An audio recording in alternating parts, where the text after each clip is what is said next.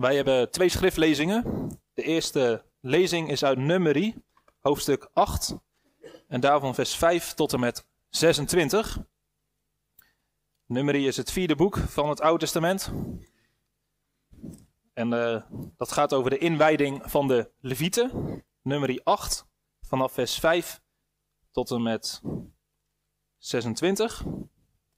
En daarna lezen we Psalm 100.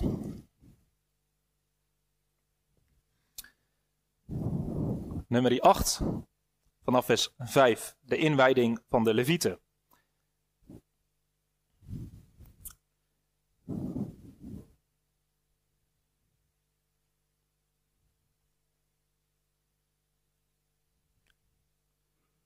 De Heere sprak tot Mozes: Neem de Levieten uit het midden van de Israëlieten en reinig hen.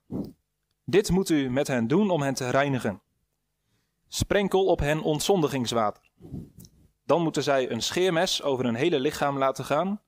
Zij moeten hun kleren wassen en zich zo reinigen. Daarna moeten zij een jonge stier nemen, het jong van een rund, met het bijbehorende graanoffer, van meelbloem gemengd met olie. En een tweede jonge stier, het jong van een rund, moet u als zondoffer nemen. Vervolgens moet u de levieten naderbij laten komen, voor de tent van ontmoeting. En u moet heel de gemeenschap van de Israëlieten bijeenroepen. U moet de levieten voor het aangezicht van de Heere naderbij laten komen. De Israëlieten moeten hun handen op de levieten leggen. En Aaron moet uit de Israëlieten de levieten bewegen als beweegoffer voor het aangezicht van de Heere. Zij zijn bestemd om de dienst van de Heere te verrichten. Dan moeten de levieten hun handen op de kop van de jonge stieren leggen. Bereid daarna de ene als zondoffer en de andere als brandoffer voor de Heere, om voor de levieten verzoening te doen. U moet de levieten voor Aaron en voor zijn zonen plaatsen, en u moet hen als beweegoffer voor de Heere bewegen. Zo moet u de levieten uit het midden van de Israëlieten afzonderen, opdat de levieten mij toebehoren. En daarna moeten de levieten binnenkomen om de tent van ontmoeting te bedienen. U moet hen reinigen en hen als beweegoffer bewegen.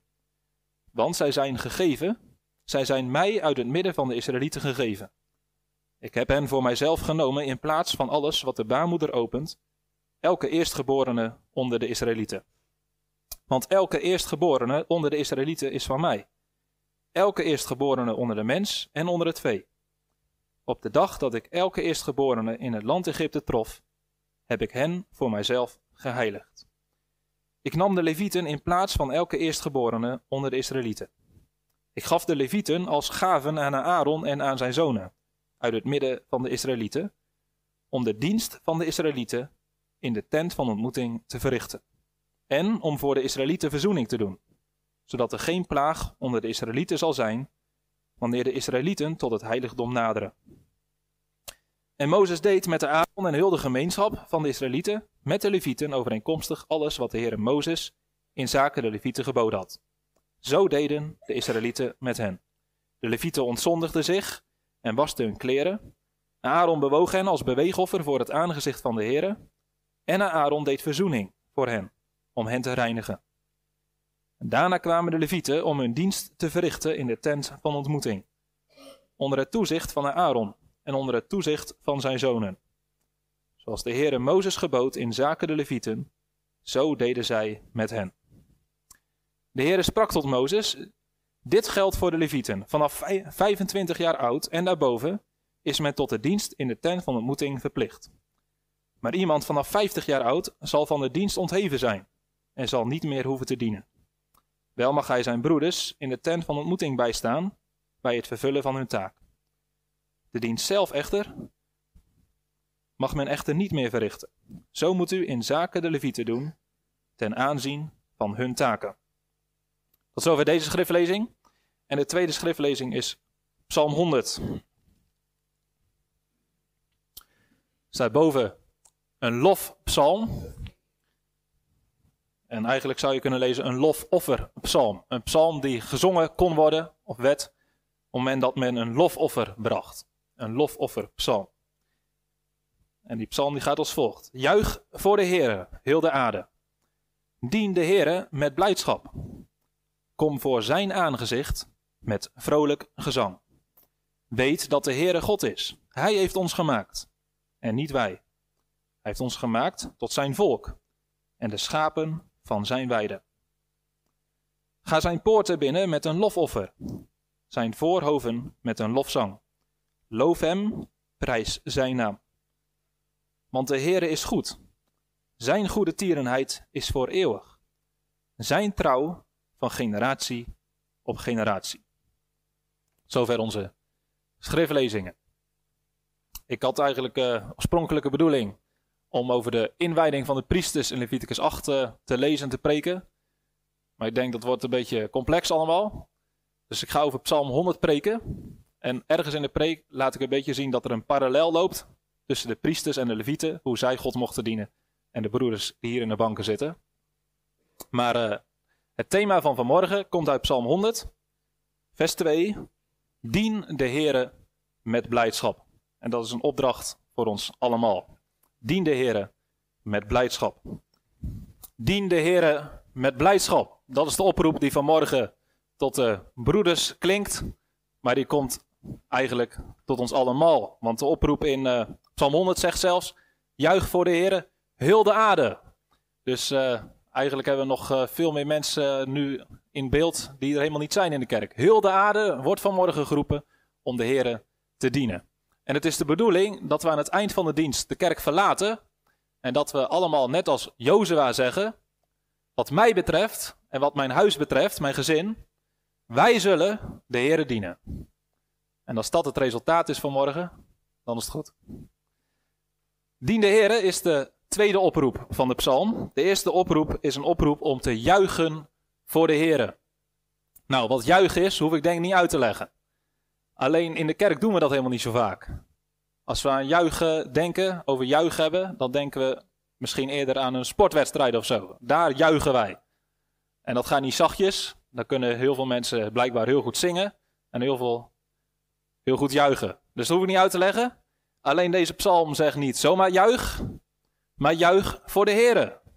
Dus eigenlijk zou de kerk wel een plek zijn waar we moeten juichen. Juichen voor de Here. En waarom? Waarom moeten we juichen voor de Here?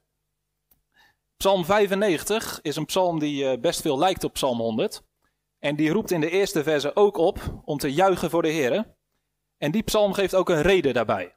Dus ik lees Psalm 95, vers 1 tot en met uh, eh, 4 voor. Ja, je kunt meebladeren, het is niet zo ver weg. Psalm 95. Kom, laten wij vrolijk zingen voor de Heer. Laten wij juichen voor de rots van onze hel. Laten wij zijn aangezicht tegemoet gaan met een loflied. Laten wij voor hem juichen met psalmen. Want, er komt dus de reden waarom wij voor de Heer moeten juichen. De Heere is een groot God. Ja, een groot koning boven alle goden. In zijn hand zijn de diepste plaatsen van de aarde en de toppen van de bergen zijn van hem. Van hem is ook de zee, want hij heeft haar gemaakt.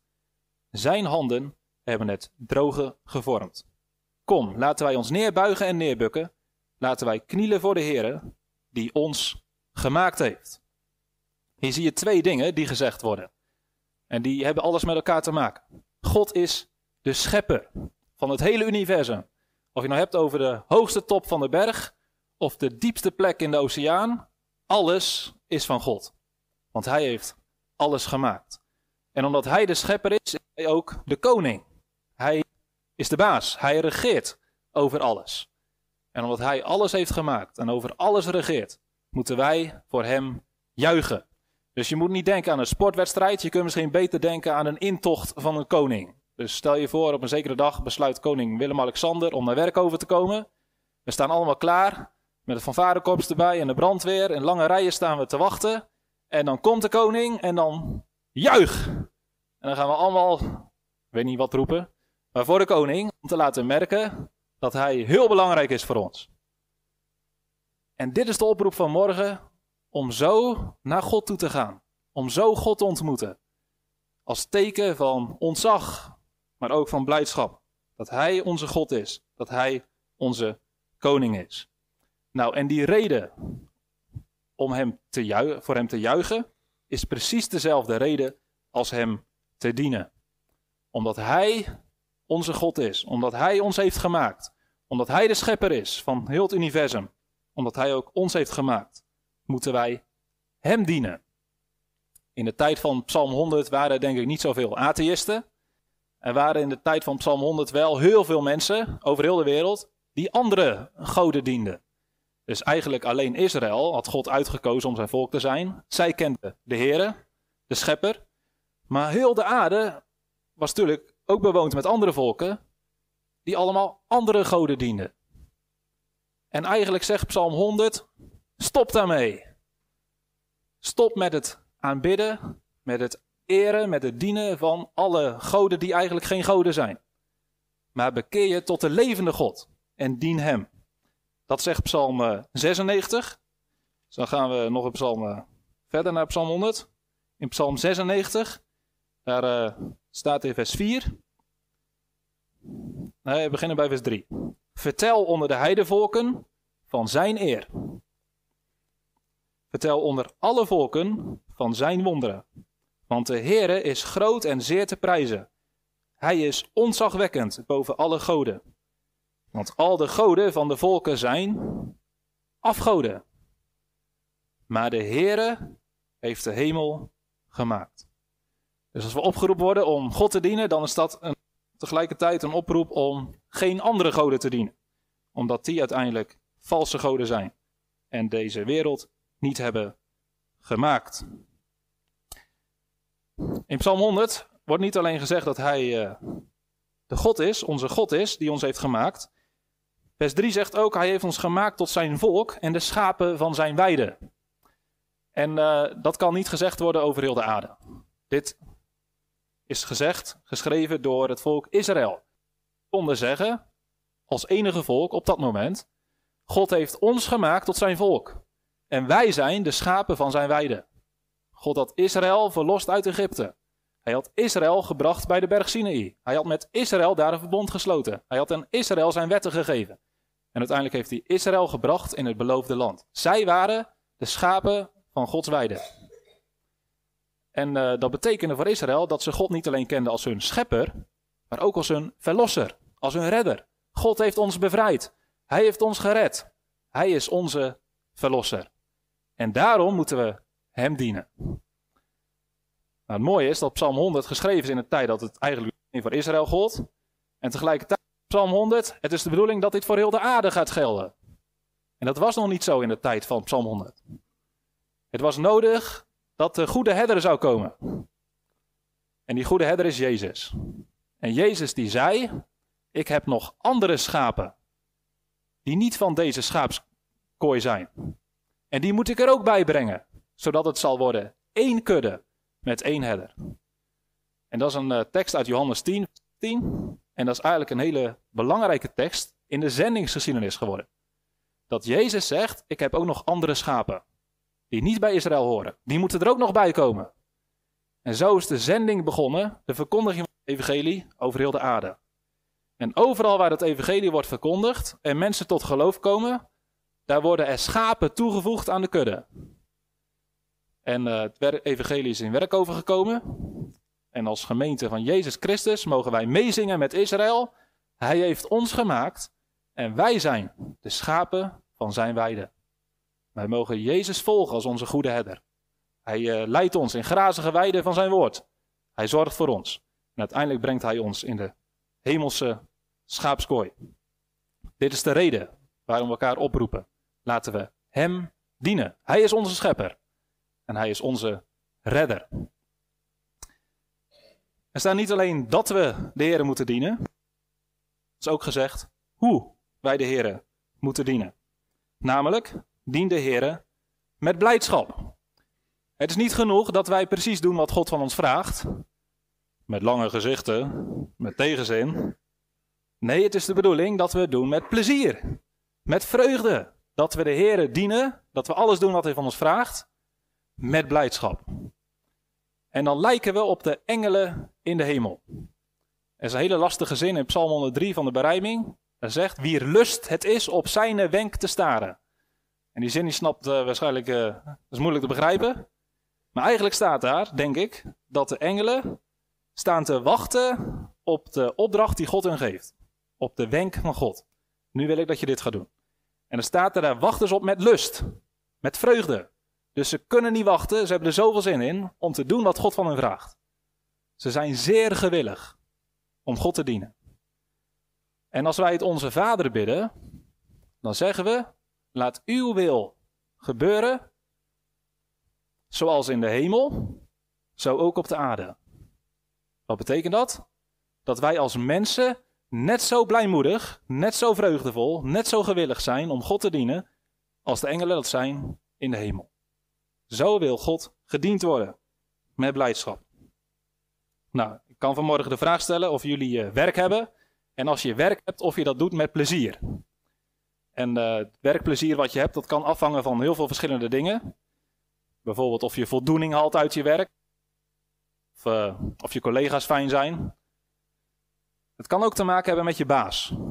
Dus als je een vervelende baas hebt, die altijd loopt te zeuren en te klagen en aanmerkingen heeft en nooit beloont, dat is niet leuk.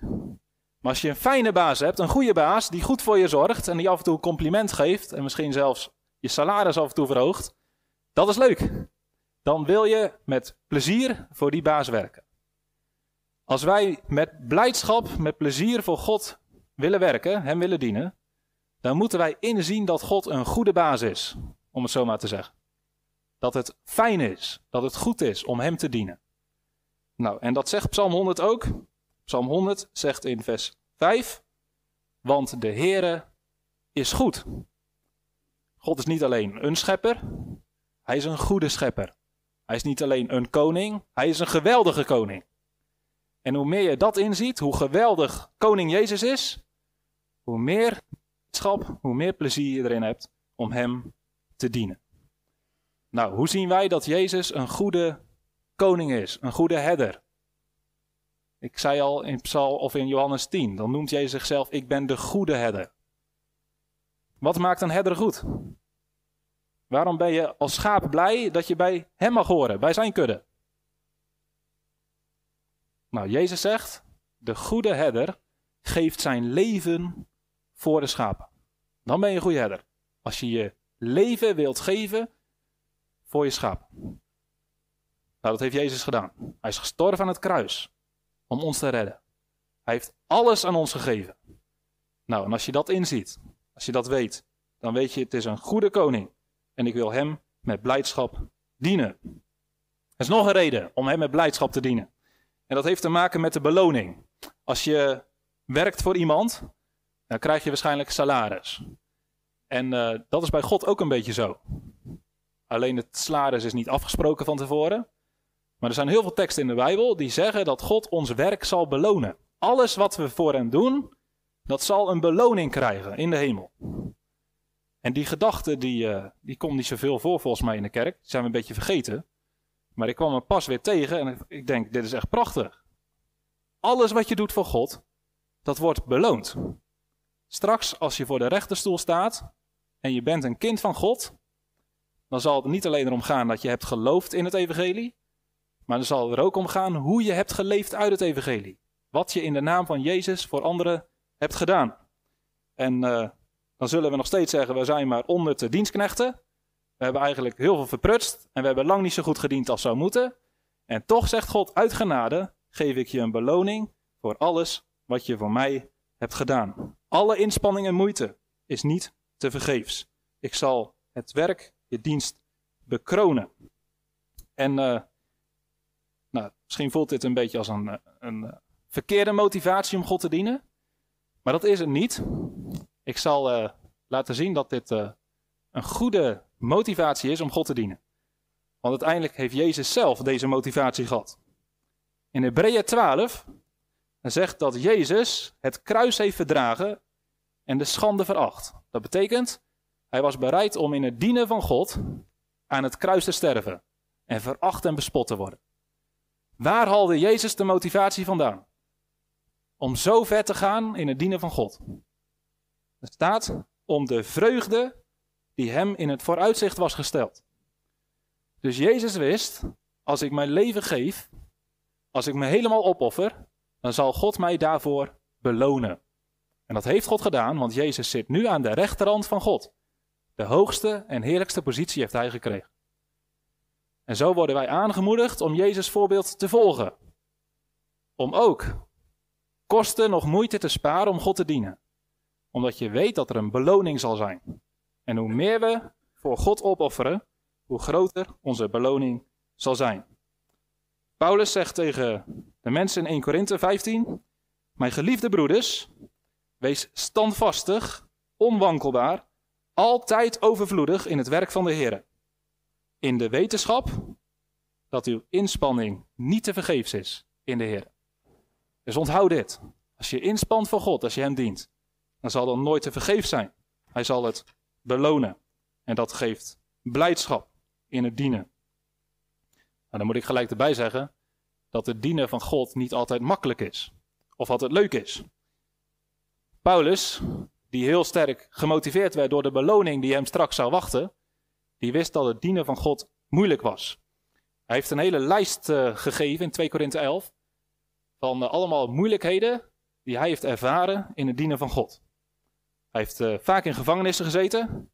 Hij is vaak in doodsgevaar geweest. Ik zal voorlezen wat hij schrijft. Hij zegt: Van de Joden heb ik vijf keer de 40 min 1 zweepslagen ontvangen. Drie keer ben ik met de roede gegezeld. Eén keer ben ik gestenigd. Drie keer heb ik schipbreuk geleden. Twaalf uur lang heb ik in de volle zee doorgebracht. Op reis was ik vaak in gevaar door rivieren. In gevaar van de kant van volksgenoten. In gevaar van de kant van heidenen. In gevaar in de stad. In gevaar in de woestijn. In gevaar op zee. In gevaar onder valse broeders. In inspanning en moeite. Vaak in nachten zonder slaap. In honger en dorst. Vaak in vasten. In koude en naaktheid. En afgezien wat van buiten afkomt, overvalt mij dagelijks de zorg voor alle gemeenten. Oké, okay. dit is een indrukwekkende lijst, toch? Wat Paulus allemaal heeft ervaren. Aan gevangenissen, aan stenigingen, aan vervolgingen, aan ontberingen. Ongelooflijk. Hoe kan Paulus dan met blijdschap de Heer dienen?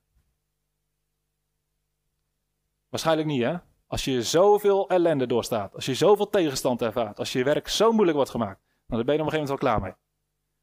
Nou, Paulus zegt tegen Colossense: Ik verblijd mij in mijn lijden voor jullie.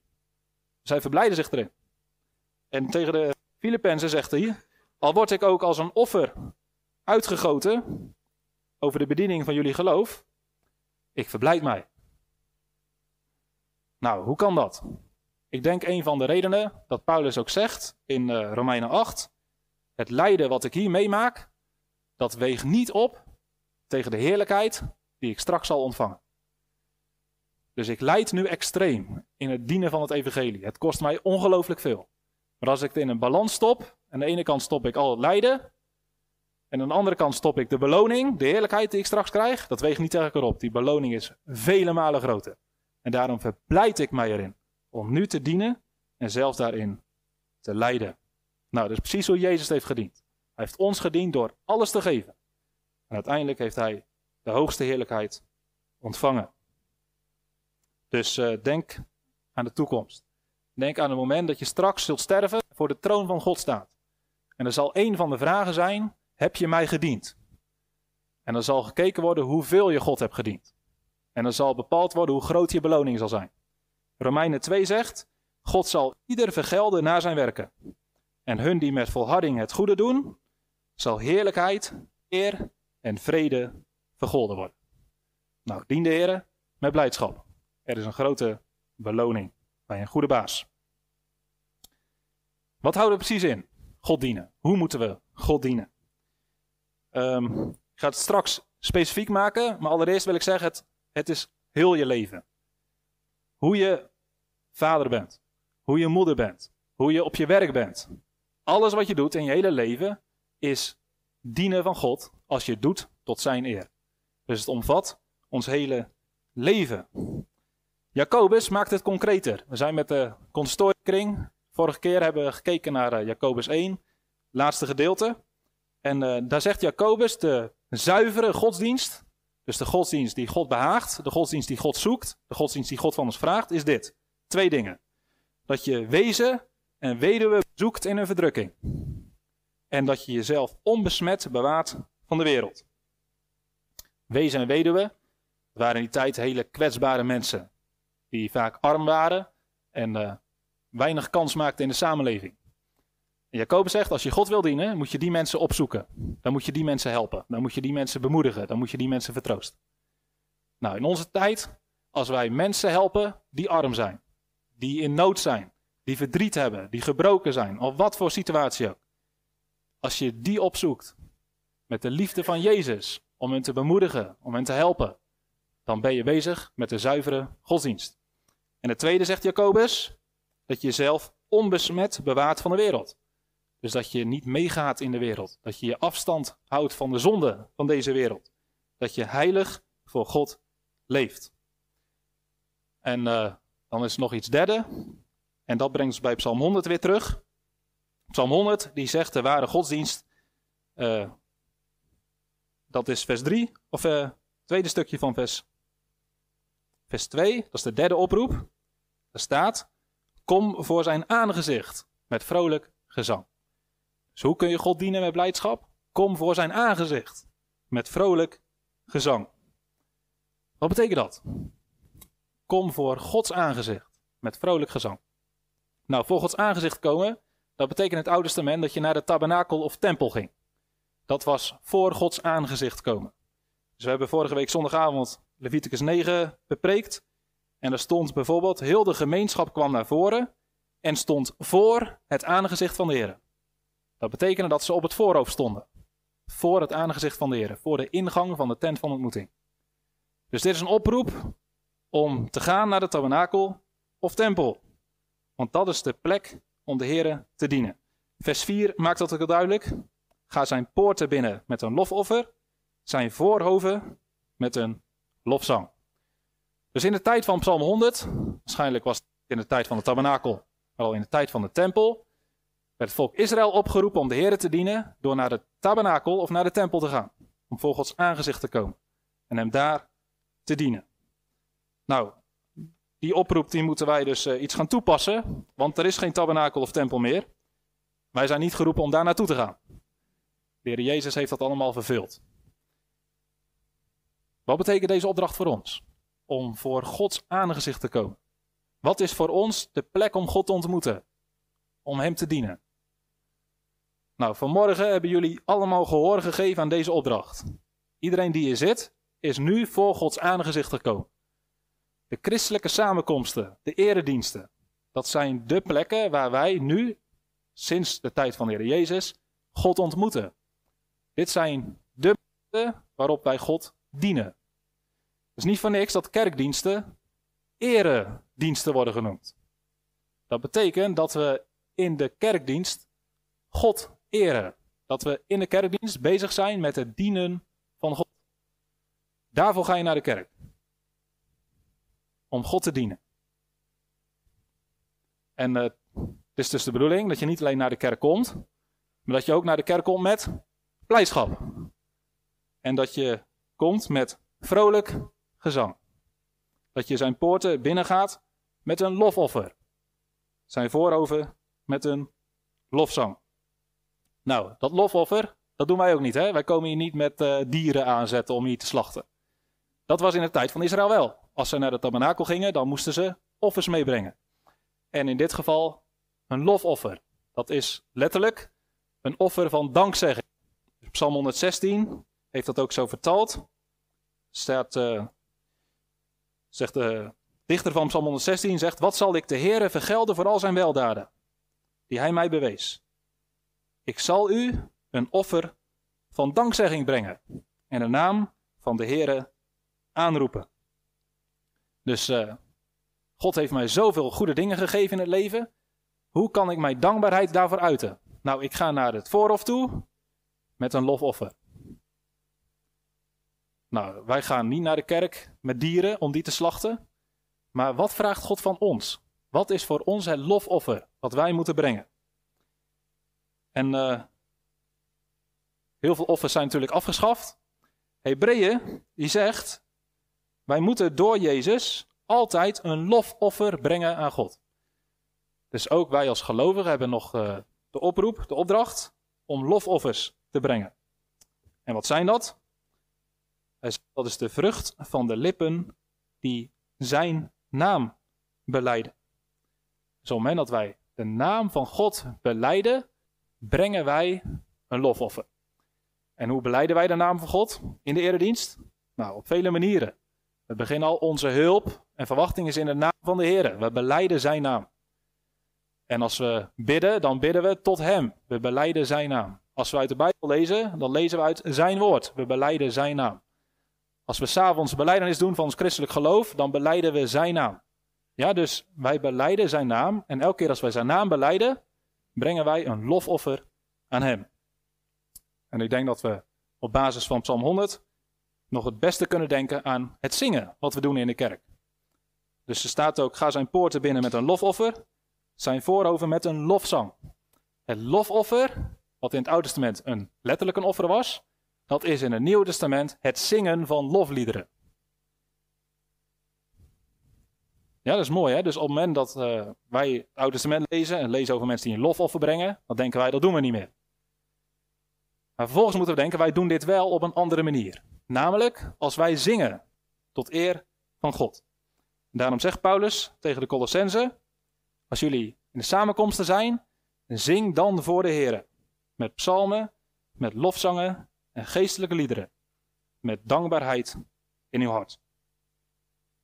Goed, samengevat. Wij moeten de Heer dienen met blijdschap. Hoe kunnen wij dat doen? Door naar de kerkdiensten te gaan. Alle kerkdiensten zijn bedoeld om God te dienen. Alle erediensten zijn een mogelijkheid voor ons om mee te doen met het eren van God. En als wij naar de kerk gaan, dan gaan we met blijdschap. En in de kerk zingen we lofzangen. Met dankbaarheid in ons hart. En zo beantwoorden wij aan de oproep van Psalm 100. Nou, kort iets over de priesters en de levieten. Om de lijn naar de, de broeders hier nog te kunnen trekken. Als een Israëliet met een lofoffer het voorhoofd opkwam, dan moest hij dat lofoffer aan de priester geven. De priesters hadden de taak om de offers namens het volk te brengen. De priesters waren daarvoor geheiligd, ingewijd. En uh, zij waren dus in het bijzonder geroepen om God te dienen. De priesters waren allemaal nakomelingen van Aaron. Die kwam uit de stam van Levi. En de rest van de stam van Levi, die niet uit de lijn van Aaron kwam, dat waren de Levieten. Dus je had de priesters, dat waren nakomelingen van Aaron. En daaromheen had je nog de andere mensen uit de stam van Levi, de Levieten. En de Levieten moesten de priesters helpen. Nou, er werd heel veel gedaan in het tabernakel. Je had allemaal uh, voorraadkamers met olie, met graan en wierook en specerijen. Dat heel de tabernakeldienst in, uh, in voortgang gehouden kon worden. Dus de hele tabernakeldienst die moest natuurlijk draaiend gehouden worden. Die, en daar moesten mensen verantwoordelijk voor zijn. Nou, in het Oude Testament waren dat de priesters en levieten. En ze dienden daarmee de heren en ze dienden daarmee ook het volk. Nou, de priesters en levieten die moesten ook de mensen onderwijs geven in de Torah, in de boeken van Mozes. De levieten waren verantwoordelijk voor de zang, de muziek in de tempel. Zo hadden ze allemaal taken. Nou, wat een parallel is, je zou kunnen zeggen, heel het volk Israël moest God dienen, maar binnen het volk Israël was er een specifieke groep aangesteld door God om het volk te helpen God te dienen. Dus zij waren in het bijzonder geroepen om in de tabernakel God te dienen. Nou, in onze tijd hebben we geen tabernakel en tempel meer, we brengen geen offers meer, dus we hebben ook geen priesters en geen levieten meer. Dus dat is voorbij. In het Nieuw Testament heb je andere manieren waarop wij God dienen. En ook andere figuren die in die dienst van God een belangrijke taak krijgen.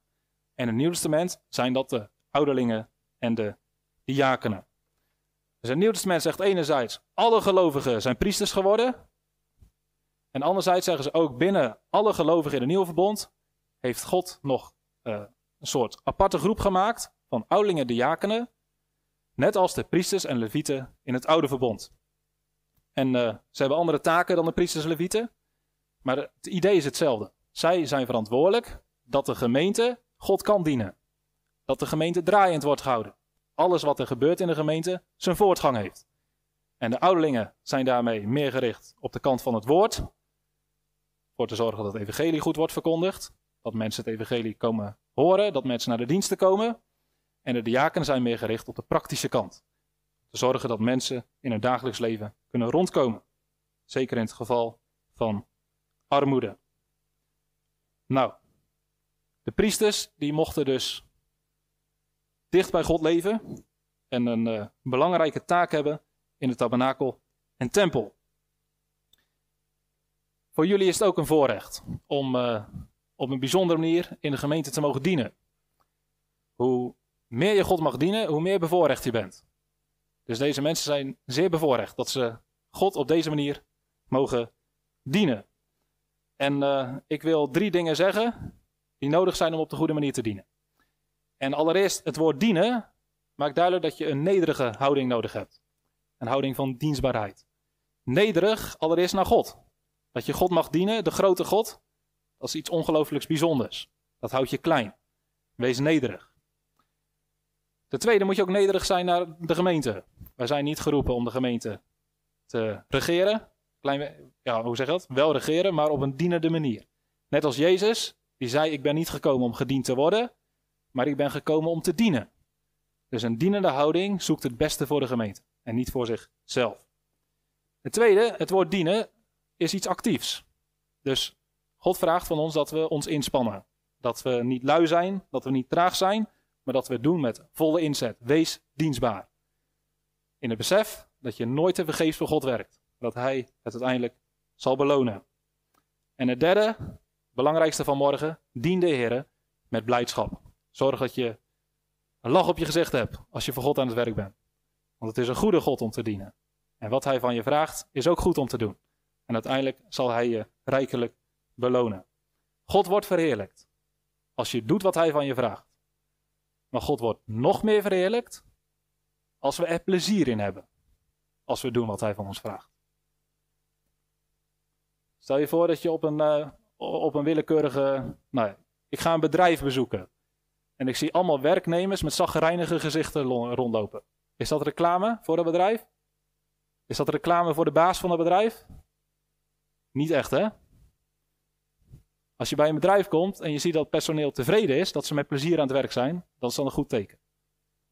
Als wij God aan het dienen zijn, dan kijken de mensen naar ons. En wat zullen ze dan zeggen van Gods bedrijf, van de kerk, van zijn koninkrijk? Zullen we dan denken, wat een goede God hebben die mensen? Wat een voorrecht om in zijn koninkrijk te mogen dienen? Of denken ze dan, liever niet? Dien de Heer met blijdschap. En dat geldt niet alleen voor de broeders, maar voor ons allemaal. Tot zijn eer. Amen.